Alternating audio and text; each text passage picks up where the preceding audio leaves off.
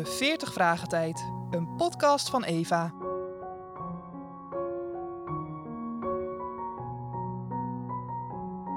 Dag 33. Welke lessen geeft Jezus mee tijdens de paasmaaltijd? We lezen Lucas 22, vers 21 tot en met 34. Jezus zei: De man die mij zal uitleveren, zit hier met mij aan tafel. De mensenzoon zal sterven, dat is van tevoren zo bepaald. Maar wat een ramp voor de man die mij uitlevert.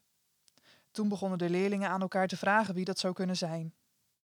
Daarna kregen de leerlingen ruzie over de vraag wie van hen de belangrijkste was. Jezus zei: Koningen heersen over hun volk, en machthebbers willen dat iedereen hen dankt voor hun goedheid.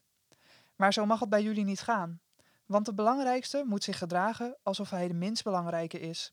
Als iemand een leider wil zijn, moet hij alle anderen dienen. Want wie is belangrijker, de man die aan tafel zit of de man die hem het eten brengt? De man die aan tafel zit natuurlijk. Maar ik ben juist bij jullie gekomen als een dienaar. Jullie zijn steeds bij mij gebleven als ik het moeilijk had. Daarom zal ik koningen van jullie maken, zoals mijn vader dat ook met mij heeft gedaan. In de nieuwe wereld mogen jullie eten en drinken bij mij aan tafel. Jullie zullen op twaalf tronen zitten en recht spreken over heel Israël. Toen zei Jezus tegen Simon Petrus: Pas op, Simon, Satan staat klaar om het jullie moeilijk te maken. Dan zal duidelijk worden wie van jullie trouw aan mij is en wie niet. Maar ik heb gebeden dat jouw geloof sterk genoeg zal zijn, Simon. Eerst zul je mij in de steek laten, maar daarna zul je mij weer dienen. Dan moet jij alle andere leerlingen gaan helpen. Toen zei Simon Petrus: Heer, ik ben bereid om samen met u naar de gevangenis te gaan, en ik wil zelfs samen met u sterven. Maar Jezus zei: Luister, Petrus, jij zult drie keer zeggen dat je mij niet kent. Dat zal vannacht gebeuren, nog voordat de haan kraait. Welke lessen geeft Jezus mee tijdens de paasmaaltijd?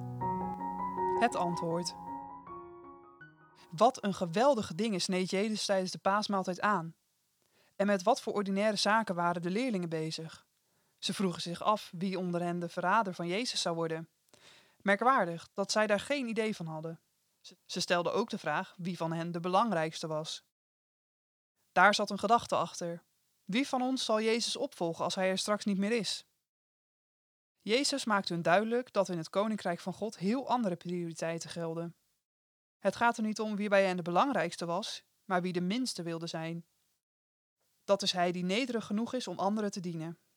Bij Jezus was dat zo vanzelfsprekend dat hij zich in dit opzicht aan anderen ten voorbeeld kon stellen. Ik ben in uw midden als iemand die dient.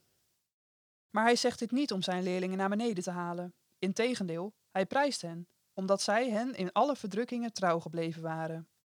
Daarom zegt hij: Ik beschik u het koninkrijk, zoals mijn vader het dat aan mij beschikt heeft. Opdat u eet en drinkt aan mijn tafel in mijn koninkrijk en op mijn tronen zit en de twaalf stammen van Israël oordeelt. Er was onder de leerlingen trouwens niet alleen een verrader, maar ook iemand die zijn meester, als het erop aankwam, zou verloochenen. Dat wil zeggen, uit angst zou beweren dat hij hem niet kende. Dat was Simon Petrus.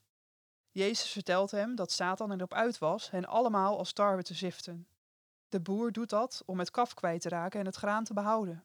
Maar Satan doet het juist om het kaf te behouden en het goede graan kwijt te raken. Oftewel, Satan zal hen allemaal op de proef stellen wat hun loyaliteit aan Jezus betrof, om hen zo mogelijk ten val te brengen.